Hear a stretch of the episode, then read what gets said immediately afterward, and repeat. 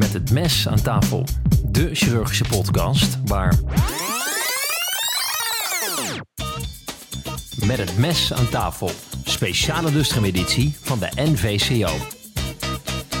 Welkom bij wederom een lustrum-editie van de NVCO. Met bij ons vandaag uh, professor Marijaan Franke-Peters, uh, mama-chirurg in het AVL en ook huidig hoofd van de Nederlandse Vereniging voor Borstkankerspecialisten. Uh, ze heeft al acht promovendi afgeleverd en er komen er nog acht aan. En haar onderzoek focust zich met name op de minder invasieve behandeling van mammacarcinoom, dus daar gaan we meer over horen. En Marijaan is recent professor geworden, dus nog gefeliciteerd. Um, ja, Marijaan, welkom. Um, kun je als eerste iets vertellen over waar je bent opgegroeid en waar je bent opgeleid? Uh, ja, jullie welkom hier. Uh, opgegroeid ben ik in uh, de regio Nijmegen. Daar geboren, de jongste van een gezin van drie, twee oudere broers. Um, en um, een vader, mijn vader was psychiater en mijn moeder was eigenlijk, ja, laten we zeggen, secretaresse van mijn vader op al het gebied, op allerlei gebied. Um, ik heb daar gewoon mijn middelbare school gedaan met allerlei dingen eromheen. En ben vervolgens uh, geneeskunde gaan studeren in Leiden. En um, heb daar ook de um, opleiding uh, verder gedaan. En daarna gepromoveerd of tijdens de opleiding? Wanneer is dat? Nee, uh... ik had nog zo'n, uh, dat heette een Agico-constructie. Dus uh, dan werd je aangenomen voor de opleiding, maar dan mocht je daarvoor eerst onderzoek doen. In ieder geval twee jaar. En dan kon je kijken hoe, hoe ver je kwam, zeg maar. Nou, dat heb ik uitgebreid tot drie jaar. Um, dus dat was eigenlijk ja, de combi van een, je promotieonderzoek en daarna meteen starten met de opleiding. Um, en dat in Leiden. En uh, we zagen in je cv ook de uh, Authentic Leadership Course for Women. Wat houdt dat precies in? Ja, um, de, iedereen heeft op een gegeven moment in zijn leven, denk ik, zo'n periode van... Doe ik nou wat ik moet doen of doe ik wat ik kan doen? Welke capaciteiten heb ik en benut ik ze wel optimaal? En dan ga je op zoek naar cursussen. En toen kwam ik dus uit bij deze cursus. Um, met het idee mijn leiderschapscapaciteiten. Um, maar dat moest ook voor women zijn? Dan. Ja, um, hier mocht je als man niet naartoe. Nee, dat klopt. nee, dat zit wel een beetje nee, in de titel. Ja. Nee, nee, dus dat... En ja, het, het, ik denk het mooie was wel dat, uh, dat women... Uh, nou, op bepaalde plekken misschien net het idee hebben dat ze dan um, niet verder komen. Of dat ze zichzelf niet goed genoeg laten zien. Um, en um, dat er daarom zo'n Women Leadership uh, cursus uh, gestart was. En ik ben daar naartoe gegaan. Ik moet heel eerlijk zeggen, het, het was zeker leuk om te doen. Maar um, het blijft er gewoon. Het komt er vervolgens wel op neer dat je jezelf wel kent en het gewoon moet doen met de capaciteiten die je hebt. En daar komt niet in één keer dan op deze leeftijd door zo'n cursus een heleboel bij. Uh, dus... En uh, we zagen op je cv ook heel veel over Nabon. Dat, was voor mij uh, iets nieuws. Um, maar wat is het precies en hoe verhoudt het zich tot, op, tot normale wetenschappelijke verenigingen? Wat grappig, jij zegt Nabon. Ik oh. zeg Nabon. Oh. maar misschien mag je het allebei wel zeggen. Uh, Nabon, een, een, term inderdaad niet zo heel erg uh, bekend misschien, maar het staat voor Nationaal Borstkankeroverleg Nederland.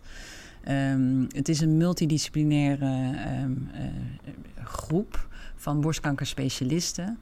En oorspronkelijk was het opgezet um, vanuit IKNL om alle IKNL Mama Tumor werkgroep besturen te verenigen en na te denken over het verbeteren van de kwaliteit van de zorg van borstkankerpatiënten en de organisatie daarvan. Um, waarbij de BOOG, de borstkankeronderzoeksgroep, wat meer de wetenschappelijke um, tak is. Um, dus NABON, kwaliteit, organisatie, richtlijnen noem het allemaal maar op. En voornamelijk ook het opstarten van de MBCA. Dat staat dan weer voor de NABON Breast Cancer Audit. Ehm, om elkaar uh, de kwaliteit van zorg te laten zien en daarop ook te verbeteren. Onderwerp. Onderwerp. Onderwerp. Onderwerp. Van de week. Dan um, wilden we met je over het mammacarcinoom gaan, uh, gaan praten. Wat doe je als een, als een vrouw met een knobbeltje in haar borst, uh, of een man kan natuurlijk ook bij de, bij de huisarts komt? Um, kan de huisarts dan zelf uh, lichamelijk onderzoek doen en denken van nou, het zal wel goed zijn? Of uh, wordt zo'n patiënt vaak uh, toch ingestuurd? Wat is jouw ervaring daarmee? Ja, nou, ik denk het huisartsenvak in deze is best een lastige. want zij zien uiteindelijk maar heel weinig patiënten in hun kliniek met borstkanker. Ondanks het feit natuurlijk dat borstkanker superveel voorkomt met 17.000 nieuwe diagnoses per jaar. Um, ik denk dat het voor de huisarts moeilijk is met eh, vrouwen die klachten hebben als pijn of he, eh, vage, eh, vage klachten. Als een, huisarts echt, als, als een patiënt echt naar een huisarts toe komt met een knobbeltje, dan denk dat je lichamelijk onderzoek, dat van ons, maar ook dat van de huisarts, niet afdoende is. Dus dat er dan een verwijzing uh, moet volgen. Voor ieder knobbeltje? Ja, Waarbij de ziekenhuizen ook zo ingericht zijn dat het allemaal niet via ingewikkelde mamapolies hoeft. Er zijn ook vaak huisartsenpolies of trajecten direct naar de radioloog. Uh, dus dat, dat is op die manier wel goed ingericht. Want, sorry. En ja, echt wel voor ieder knobbeltje. Want um, helaas heb ik echt ook wel zelf vaak meegemaakt dat je toch denkt op die ochtend op de mama poli, nou, dit, dit voelt gewoon goed. Dat is, uh, en dat helaas dan ook gezegd. En dan krijg je toch de uitslag uiteindelijk uh, van dat het helemaal niet goed is. Dus ons lichamelijk onderzoek is, uh, is gewoon niet goed genoeg. En moet het dan nog wel verricht worden als toch overal een beeldvorming van wordt gedaan? Uh, ja, dat denk ik wel. Want je lichamelijk onderzoek is niet goed genoeg om te onderscheiden of iets goedaardig of kwaadaardig is. Maar vervolgens natuurlijk wel met um, is je lichamelijk onderzoek nodig om uiteindelijk, als iets kwaadaardig is, te kijken hoe je dat moet benaderen. Um, dat, dat, dus ja, en he, lichamelijk onderzoek is niet alleen van de borst, maar ook van de oksel. En en natuurlijk de bijkomende dingen als een vrouw daar niet zelf al mee gekomen was van een eventuele huidintrekking of verandering van de huid. Hè. Want soms dan uh, sta je versteld van dat een, een vrouw zegt dat er uh, niks aan de hand is, terwijl je het eigenlijk gewoon al ziet, bij wijze van spreken. Dus dat. dat uh, um, en dan standaard is dus een mammogram en een echo. volgens mij op de mammapolie. En dan komt natuurlijk de BIRADS-classificatie aanzetten. Um, dan volgens mij één of twee, dan is het goed. En dan bij drie, dan moet er geprikt worden. En vier en vijf is al duidelijk. Hoe, zit het ook weer? Um, ehm, Birats 0 is dat het on, onduidelijk is. Dus dan moet er nog iets extra's uh, gebeuren. 1, 2 is benigne. Um, drie, en, en, in feite bijna altijd uh, benigne. En dat zou je kunnen vervolgen. Moet dan nog wel een keer vervolgd worden. En soms uit praktische overweging is het dan makkelijker om een cytologie te doen, zodat je dat be benigne bewezen hebt. En 4, 5 moet je um, in ieder geval PA hebben. Uh, en 6 is bewezen maligne. Maar bij 3 is dus uh, een twijfelgeval?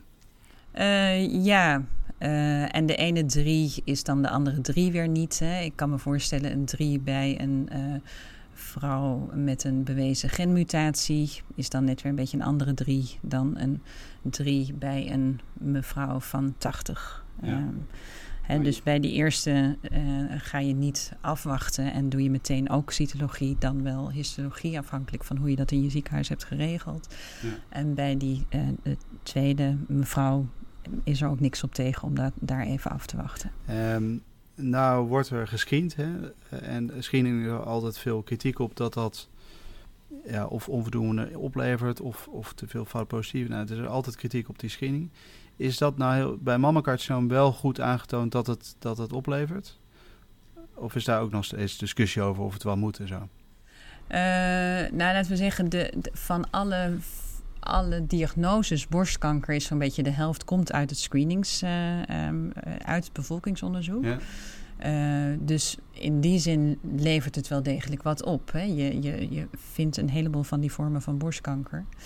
Um, waarbij een groot gedeelte daarvan ook echt wel in een eerder stadium gevonden zullen worden dan wanneer je het uiteindelijk zou voelen als, als uh, patiënt.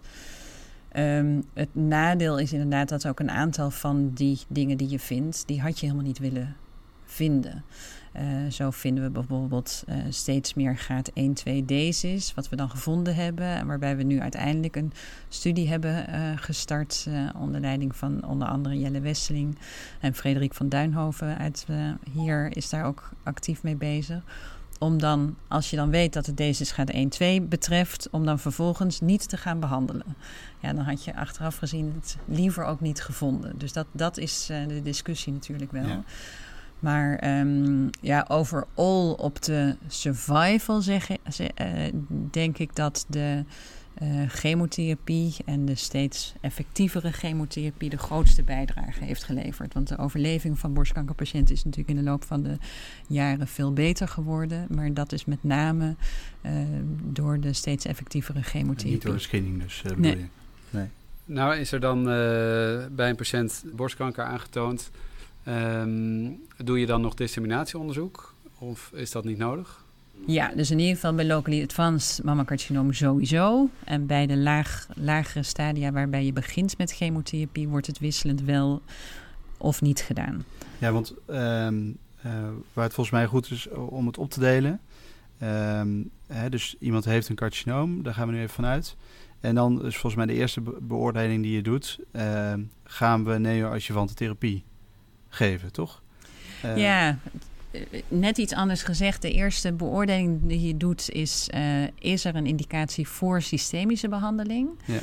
Uh, dus afhankelijk van het tumortype. Bij de triple negatieve eigenlijk vrijwel altijd. En bij de negatieve bedoel je... wat was het ook alweer? ER, PR... Ja, drie keer negatief. Uh, ER is 1, PR is 2 en HER2 uh, is 3. Ja, en dat zijn de hormoonreceptoren, uh, toch? Ja, de ER en de PR zijn de hormoonreceptoren en de HER2 is een eiwitreceptor. Ja. dus dat is, als ze alle drie negatief zijn, is het triple negatief. En dat is ongunstiger ja, dan uh, is eigenlijk gewoon de indicatie voor systemische behandeling bovenop je lokale behandeling is, uh, is gesteld. Omdat ze agressiever zijn. Dus, ja. ja. ja. ja. En, um, en als dus niet triple negatief, uh, wanneer zit je dan aan je adjuvante behandeling vast? Dus bij N plus is dat volgens mij zo? Nou, je hebt dus de indeling triple negatief. Je hebt ook nog de HER2 positieve. En dan is het onafhankelijk van de hormoonreceptor. Dus je hebt HER2 positief, hormoonreceptor negatief. En je hebt HER2 positief, hormoonreceptor positief. En eigenlijk de HER2 positieve patiënten, die behoeven ook altijd um, uh, systemische therapie. Waarbij je dan dus ook weer kan zeggen, als je toch systemische behandeling nodig hebt, waarom dan niet daarmee starten? En dus alleen de hormoonreceptor positieve tumoren, die dus niet een HER2-receptor uh, uh, positiviteit hebben. Daarbij kan je kijken van hoe groot is um, uh, de tumor, hoe zit het met de lymfeklieren. En afhankelijk van die stagering is er bovenop de hormoontherapie ook nog een indicatie voor chemotherapie. Als dat het geval is, kan je ook weer zeggen van er is een indicatie voor ja, chemo, als... dus begin ik maar eerst daarmee. Ja, precies. En dat doe je eigenlijk altijd. Hè? Als, het, als, als je van tevoren weet van er is een indicatie, geef je het van tevoren. Ja, deden we natuurlijk jaren geleden nog niet. Dan, dan was, was echt uh, de, de chirurg, chirurg eerst aan bod en daarna pas uh, nadenken over systemische behandeling. Maar daar zijn we wel. Um, ja, er zijn natuurlijk wel een aantal redenen te noemen om uh, die systemische therapie, als je toch weet dat je dat nodig hebt, om die voor, vooraf te geven. Wat eh, op het gebied van de-escalatie zit, hè, ja. niet alleen chirurgisch de-escaleren we, niet alleen qua radiotherapie, maar ook uh, systemische behandeling wordt gede-escaleerd als het kan. En heel mooi, ja, ja, een heel mooi voorbeeld is de trainstudie, de train 3-studie inmiddels. Waarbij je eigenlijk begint met het volledige. Voorheen werden HER2-positieve patiënten kregen een volledige negen kuren PTCP. De Train 3-studie die probeert te deescaleren. Dus na drie kuren wordt er al gekeken wat de respons is. En bij een complete respons wordt dan gestopt met de chemotherapie. Klinkt logisch. Hè, dus, dus dat is een ander voordeel van iets voorafgeven. Omdat je respons mee kan nemen in het totale pakket aan behandelingen wat je, wat je voor iemand uh, hebt. Ja. En uiteindelijk is het, is het allemaal een risico-inschatting. Hè? Dus je wil de agressieve, risicovolle tumoren wil je van tevoren neoadjuvant behandelen.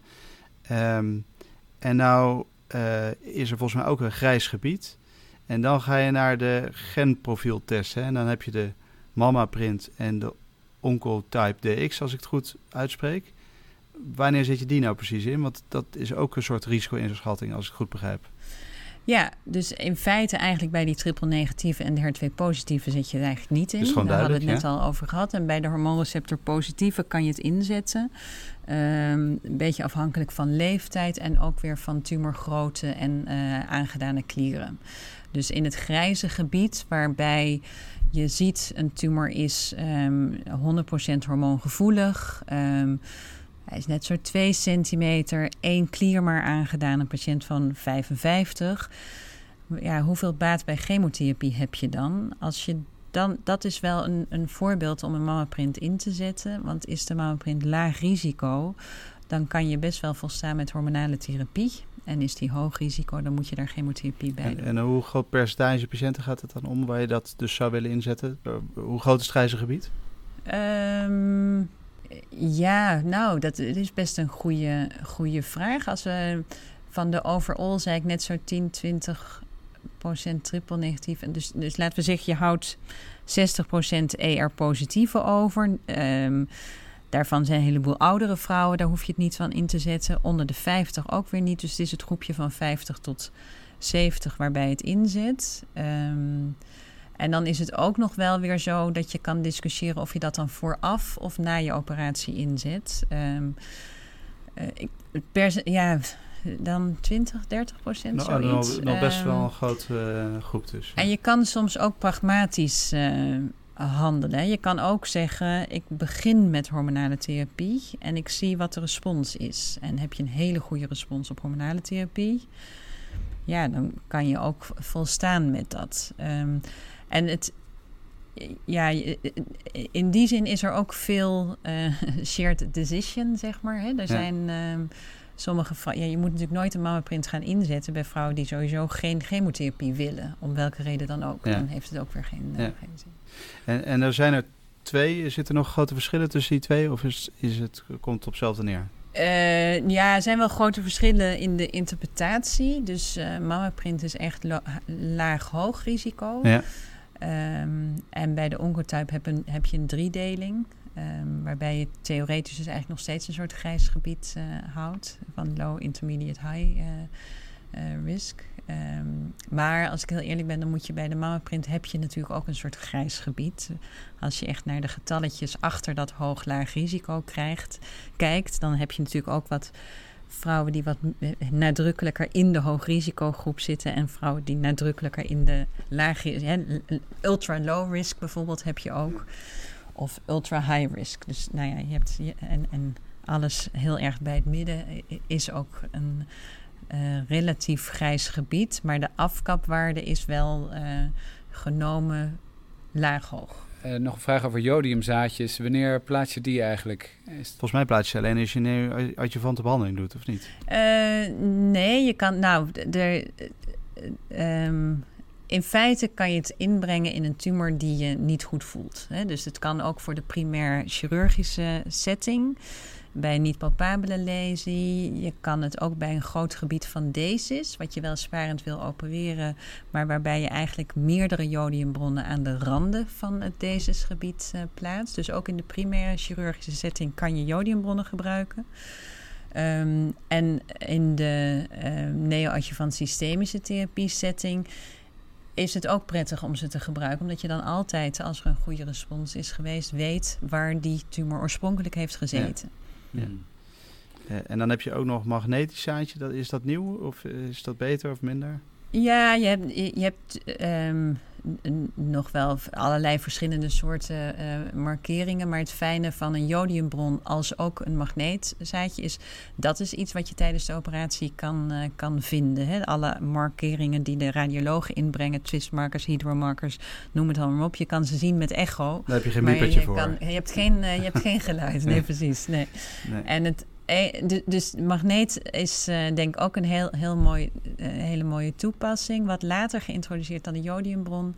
Het lastige is dat het um, op de MRI wel storing geeft. Dus um, als je bijvoorbeeld in de neoadjuvante chemotherapie setting... dan zul je geneigd zijn om eerst bijvoorbeeld een gewone hydromarker of tristmarker in te brengen dan je monitoring met MRI goed te kunnen doen. En dan pas daarna de, de magneetmarker weer erbij. En dat is, laten we zeggen, bij het jodiumbonnetje het, het voordeel dat je ook echt in één keer klaar bent. Je hoeft niet eerst de ene marker en dan nog weer zo'n marker. Um, je, je, bent in één keer klaar. Nou, en waar we het dan, als we het toch over de markers hebben, en ook vooral over moeten hebben, is de, de MARI-procedure. Ja. Want die heb je ontwikkeld. Uh, kan je daar iets over vertellen?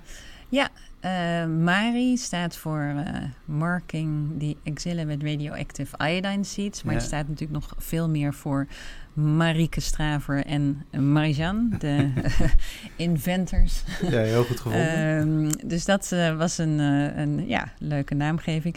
Nee, het was, het was eigenlijk wel grappig, want die jodiumbronnen die werden natuurlijk nou ja, therapeutisch gebruikt voor prostaatkanker. En toen was er uh, Richard Gray, een chirurg uit Amerika, die gebruikte die jodiumbronnen voor markering van um, niet palpabele um, uh, borsttumoren. Uh, die is hier ook een keertje geweest. We hebben heel veel workshops uiteindelijk gegeven um, over de toepassingen van de jodiumbronnen. Maar wij dachten, oké, de borst dat is een hele leuke toepassing, maar eigenlijk vonden we de toepassing om zo'n jodiumbron in een van de aangedane klieren te doen nog een veel um, zinvollere toepassing. Omdat we in die fase, dat was inmiddels in 2008, deden we hier al best veel neoadjuvante chemotherapie. En daarna opereerden we altijd die oksel. Gewoon een volledige okselklierdissectie. En de chemotherapie werd steeds effectiever. Dus het kwam steeds vaker voor dat de patholoog zei: 15 klieren verwijderd pathologisch complete respons. Nee. Ja, toch eigenlijk Beetje niet zonde. fijn. Beetje zonde. Ja. Dus toen bedachten we, als we nou die ene klier, uh, één van de aangedane klieren markeren, zou het lichaam niet gewoon heel simpel werken als de grootst aangedane klier een pathologisch complete respons um, uh, krijgt door de chemotherapie dan zullen die andere klieren dat toch ook wel krijgen. Nou, dat, dat werkte. Op die manier hebben we het uitgezocht. Eerst al die patiënten natuurlijk wel nog oxyclierdissecties gedaan. En toen bleek inderdaad de false negative rate van die MARI-procedure uh, laag genoeg om dat te kunnen toepassen. Um, dus daarna zijn we, hebben we de, de MARI echt ja, therapeutisch ingezet, om het maar zo te zeggen. In combinatie met optimale stagering voorafgaand aan de chemotherapie met PET om op basis van de PET ook echt het aantal klieren te kunnen tellen voorafgaand aan je chemotherapie. We hebben een soort protocol uh, uh, uh, opgeschreven dat je afhankelijk van de stagering vooraf, in combinatie met de respons van die MARI-klier, je verdere okselbeleid daarop aanpaste. En dat heeft ertoe geleid dat er 80% minder oxyclierdissecties uh, uitgevoerd werden na introductie van dit de, beleid. Uh, maar gebruikt nu heel de wereld dus die MARI-procedure? Uh, ja, zou je zeggen. Nee, gebeurt niet. nee, wat um, in, de, in die tussentijd... 80% is een aardige uh, goed effect. Nee, dat, dat klopt. Dus dat, dat, is, dat is ook echt wel heel mooi. Maar je, je moet natuurlijk altijd bedenken... als je iets aan het bedenken bent... dan zijn de, de wereld is groot. Dan zijn er op allerlei verschillende plekken op de wereld... mensen die precies hetzelfde aan het bedenken zijn. Ja. Hè? Zo, zo werkt dat nou eenmaal. Um, dus er is ook de zogenaamde TAT-procedure. Dat is een combinatie eigenlijk van het verwijderen van de schildwachtklier plus een gemarkeerde klier op een net iets andere manier. Um, en dat is in de MD Anderson um, uh, ontstaan. En dat is ook een procedure die heel veel wordt toegepast. En ook hier in Nederland zijn er een paar klinieken die denk ik alleen de MARI doen. Maar de meeste die zullen een schildwachtklierprocedure plus de MARI doen. Is niet nodig, maar ze doen het wel. Er is nu nog trouwens een... Uh, ja, zeg ik natuurlijk nu heel makkelijk. De, er is ook een mooie studie uh, uh, gedaan, de RISAS-studie vanuit onder andere Rotterdam. En die resultaten die... zijn ook gepresenteerd. En dat je mogelijk net een iets lagere false negative rate weer hebt met die combinatie.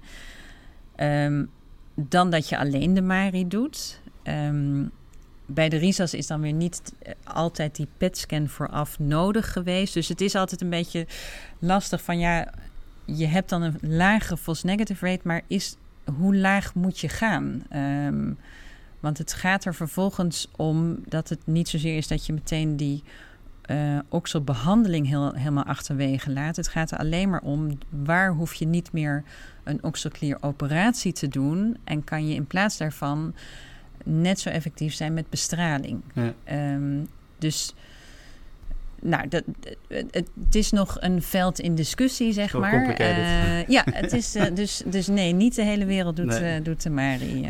Um, en nu zei je al met die MRI, die gebruiken we voor de responsmeting. Um, en wanneer spreken we dan van complete respons? Dan is alles weg? Ja, je hebt dus de eerste stap is een radiologisch complete respons. Dan zie je inderdaad op MRI geen aankleuring meer in het gebied waar je oorspronkelijk wel aankleuring zag. Um, en dat is nadrukkelijk een radiologisch complete respons. En het kan nog best wel lastig uit te leggen soms zijn. Maar bijvoorbeeld bij een lobulair carcinoom zegt het helemaal niks. Dan, dan eh, wil het helemaal niet zeggen dat het ook uiteindelijk heeft geleid tot een pathologisch complete respons. Um, en bij veel ER-positieve tumoren is de uh, responsmonitoring met MRI laat je behoorlijk in de steek. Dat wil zeggen, de MRI ziet het niet meer, maar uiteindelijk als je gaat opereren en de patholoog beoordeelt je preparaat, dan ziet hij daar nog steeds allemaal kleine gebiedjes met dus restziekte. dus je moet nog een operatie doen als ik het zo hoor. Dus je moet nog een operatie doen. Bij de, ook daar weer de triple negatieve en de HER2 positieve tumoren doet de MRI het een heel stuk beter maar nog steeds niet goed genoeg om echt te kunnen zeggen: een radiologische complete respons is een pathologische complete respons. Nee, dat, dus dat, de, het WTC-beleid wat we van het rectum kennen, dat heb je gewoon niet bij de mama. Nee, hebben we wel onderzocht. Uh, de MICRA-studie uh, is dat geweest. En um, die um, was helaas uh, negatief. Nee. En dan de chirurgische behandeling van mama-tumoren is bijna eigenlijk altijd uh, een lokale behandeling, mama-sparende therapie.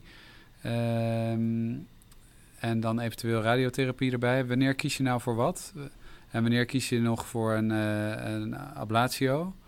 Wat zijn daar de, de, de afkapwaardes ook alweer voor? Uh, ja, als, als sparend kan, dan sparend. Tenzij er een genmutatie is.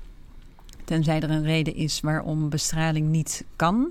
Um, Ofwel vanwege een uh, voorgeschiedenis al met bestraling of wat dan ook. Dus dat zijn de voornaamste uh, redenen eigenlijk. Um, hele jonge leeftijd um, is het soms ook verstandiger. En vaak ook wel de wens van de patiënt zelf uh, om dan ablatief te gaan. Maar eigenlijk verder altijd zoveel mogelijk sparend waar dat kan. En wanneer, want je kan ook nog wat aan de doen en je kan gewoon alles af. Uh, ja, dus, als, hè, dus de grootste groep, en dan heb je het. Wat, wat is de grootste groep? In, uh, meestal kom je zo 60, 70 procent uh, sparend uit in totaal landelijk gezien. Dus toch nog steeds wel um, een groep ablatief. om verschillende redenen. Uh, ofwel vanwege inderdaad het hoog risico, genmutatie, lage leeftijd, een te groot gebied van deze. Nou, noem het, noem het maar op, verschillende redenen. En als je dan een ablatie moet doen, dan kan je het uh, ofwel alles weg en dan zit de vrouw uiteindelijk met een externe prothese. Um, die wel ook weer veel beter is dan, dan vroeger, zeg maar. Uh, dus dat is een optie. Of je kan zoveel mogelijk, uh, of eigenlijk alle huid, inclusief de tepel, laten staan. En dan eigenlijk ja, die huidenvelop weer opvullen met uh, een vorm van reconstructie. ofwel met een prothese. Doe je dat dan direct? Of, ja, is dat de directe reconstructie? Ja. ja. En hoe vaak doe je dat nou? Is dat... Ja, dat is dus een van die dingen eh, wat, wat zo mooi is geweest van de NBCA, dus van die borstkanker audit. Dat is ook een van de indicatoren, van de kwaliteitsindicatoren van het percentage directe reconstructies. En dan zag je dat in de afgelopen jaren landelijk gezien dat percentage van net wat onder de 20% gestegen is tot een beetje zo 28%. Dat is wel behoorlijke variatie. Uh, en um, uh, in ons ziekenhuis zitten we een beetje zo rond de 75 tot 80 procent directe reconstructies. Uh, en er zijn ook ziekenhuizen die rond de 10% directe reconstructies zitten. Het heeft met name met logistieke uitdaging te maken, of niet? Uh. Um, ja, het heeft. Nou, zijn, zijn denk ik een aantal dingen. Het heeft ook wel. Het heeft met uitleg en keuze.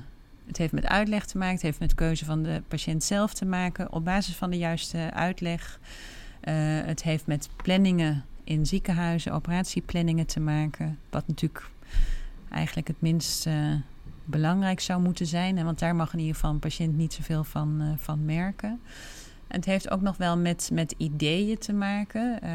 Zo zijn er um, verschillen, bijvoorbeeld um, verschillende ideeën over de combinatie van een directe reconstructie en bestraling. Uh, daar zijn klinieken die dat gewoon niet doen. waarbij het chirurgisch, plastisch chirurgisch team zegt van nee, dan vinden we toch uiteindelijk voor het lange termijn uh, resultaat beter om een secundaire reconstructie te doen. En er zijn ook klinieken die dat niet Terwijl uitmaakt. ziekenhuis verder doen ze dat um, zonder uh, blik op Ja, en daarbij is het ook natuurlijk met de juiste informatie aan de patiënt. Hè? Want er zitten ja. voordelen aan het een, zitten ook nadelen aan het een... en zo ook aan de andere manier. Er zijn altijd verschillende mogelijkheden. En ik denk dat een, uh, de Nederlandse borstkankerpatiënt is over het algemeen best wel... Uh, goed uh, geïnformeerd en daarmee ook best goed in staat om een goede keuze te maken. Ja. En dat, dat is denk ik um, ook belangrijk. Als we dan doorgaan naar de, nog de regionale behandeling, dus de oxoclear, of de, de oxol. Dan doen we dus bij zo'n carcinoom doen we altijd een, een schildwachtklierprocedure. Nee, ook dat hoeft niet meer altijd. Um, dus daar is natuurlijk ook weer in studieverband wordt gekeken. Uh, dat is een boogstudie uh, geleid door Marjolein Smit uit Maastricht. Um, om uh, bij een wat lager risico mammacarcinoom die uh, schildwachtklier überhaupt achterwege te laten. Omdat je gewoon heel weinig ja. positieve klieren daarbij ja. vindt. Ja.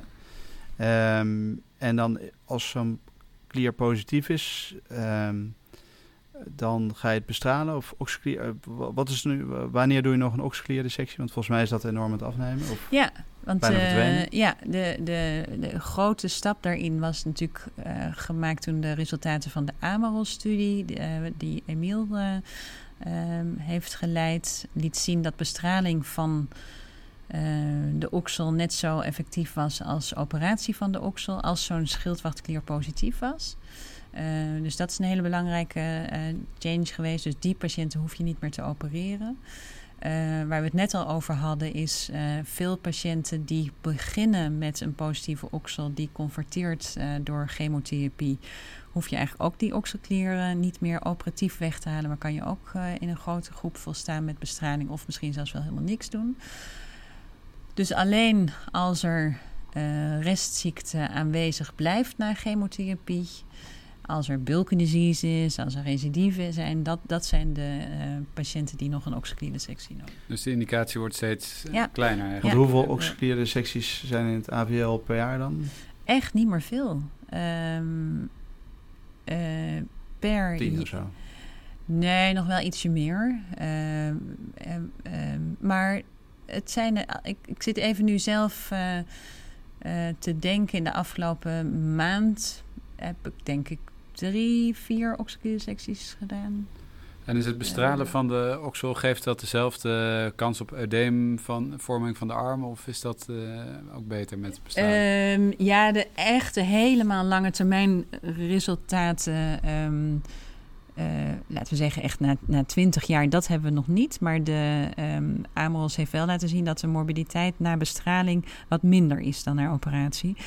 Het lastige is natuurlijk wel dat de, de grootste morbiditeit qua echt zo'n dikke arm en, en uh, bewegingsbeperking, die zit hem in de patiënten die dan een, nog wel die oxoclear dissectie nodig hebben en daarbovenop ook de radiotherapie-indicatie hebben. Ja. Want dat is die, die groep eigenlijk die ik uh, noemde, dus nog restziekte uh, na chemotherapie, terwijl je begon met veel aangedane klieren en veel is dan meer dan drie.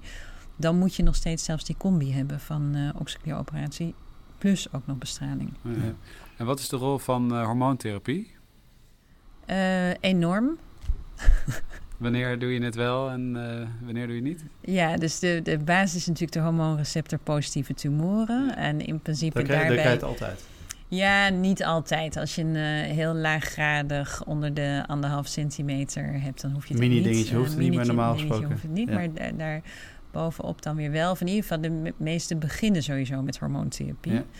En dan zijn er ook wel een heleboel die niet het, uh, die op een gegeven moment, als ze natuurlijk veel bijwerkingen van de hormoontherapie hebben, dat ze dan op een gegeven moment een afweging maken. Ik heb het een x aantal jaren gehad. Nu is het wel genoeg voor mij, zeg maar, uh, qua risico-inschatting op resi uh, uh, recidiefrisico-inschatting versus de bijwerkingen. En een vrouw die natuurlijk weinig of geen bijwerkingen van heeft, daarvoor is het makkelijk om langer, ja. langer door te gaan. Ja.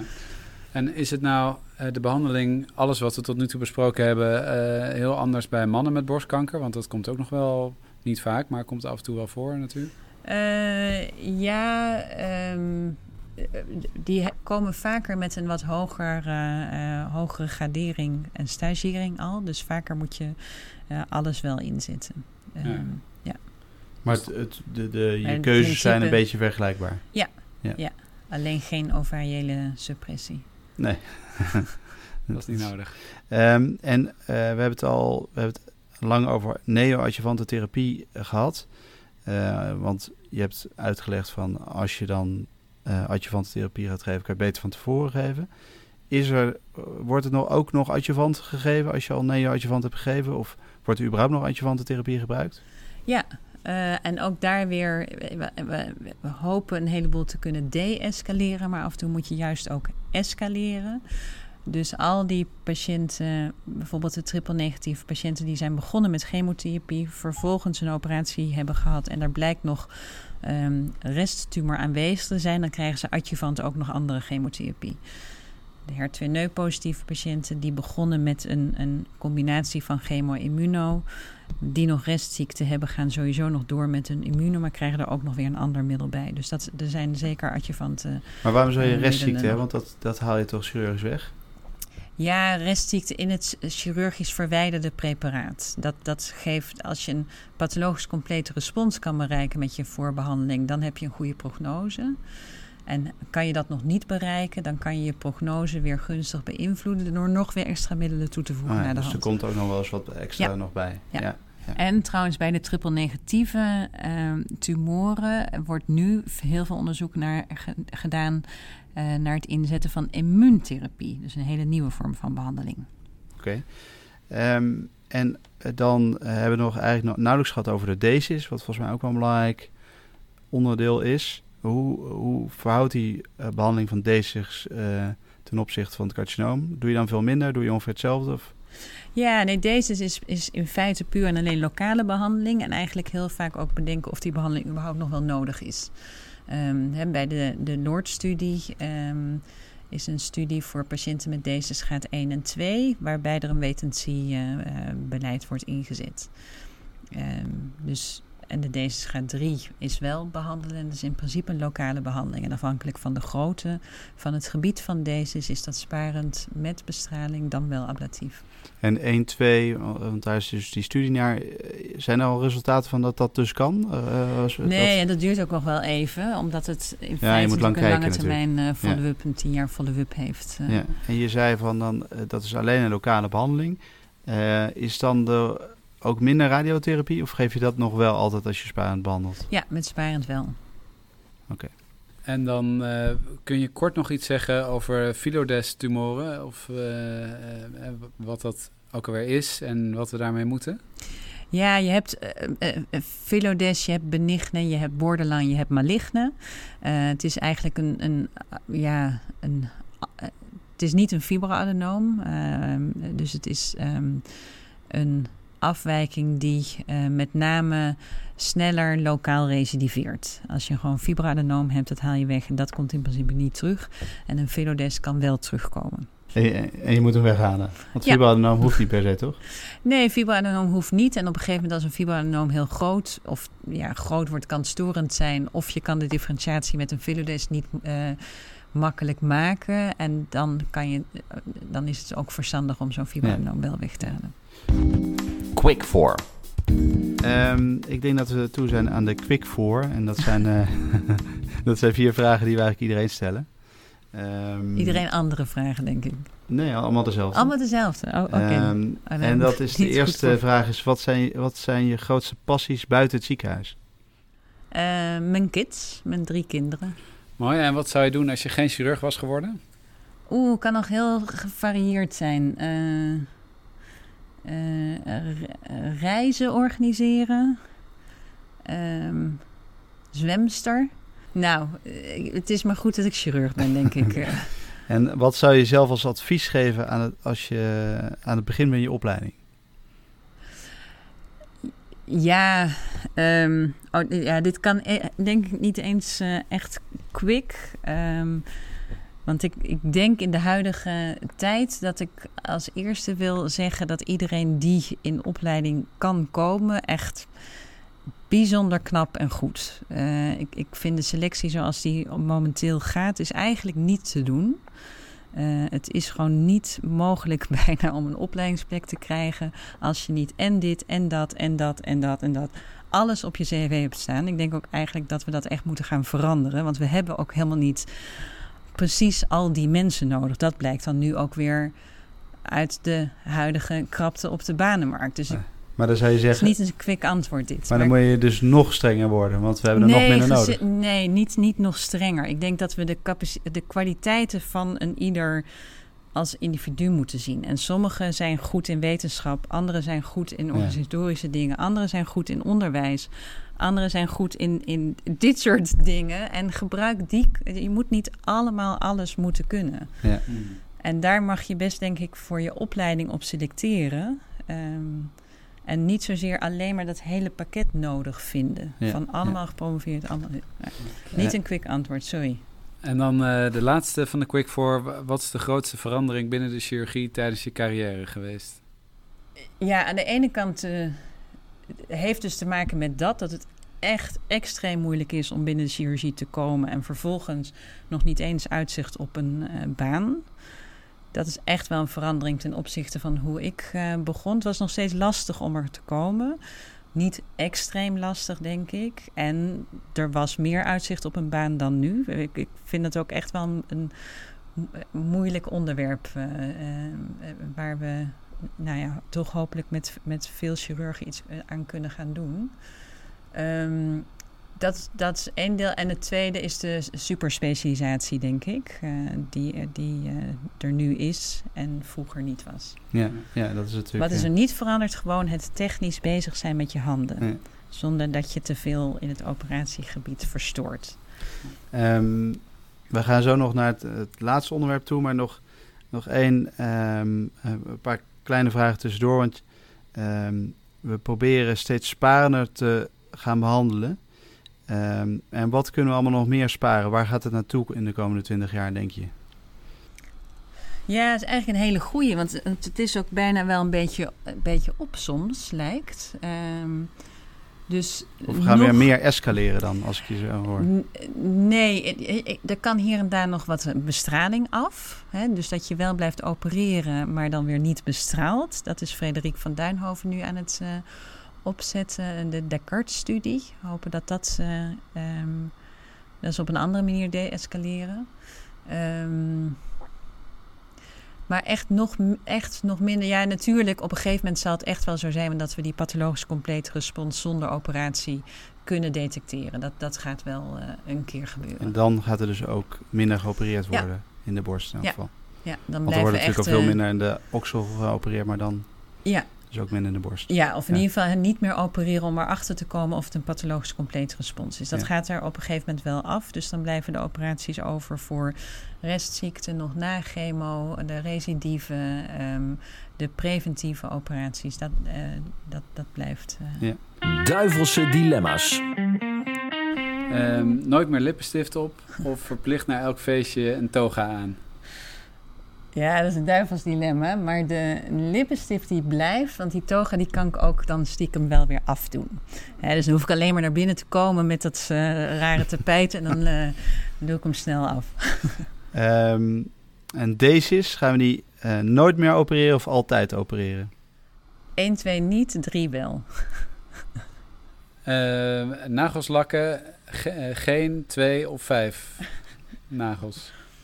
Ik heb er nu vijf, maar idealiter twee. Ja, dus twee. Want we, we hoorden het natuurlijk, uh, we hadden wat research gedaan, dat je twee nagels lakte en er was dan een soort... Nou, je, ja, ik snapte niet waarom je er twee zou lakken. kan je dat uitleggen?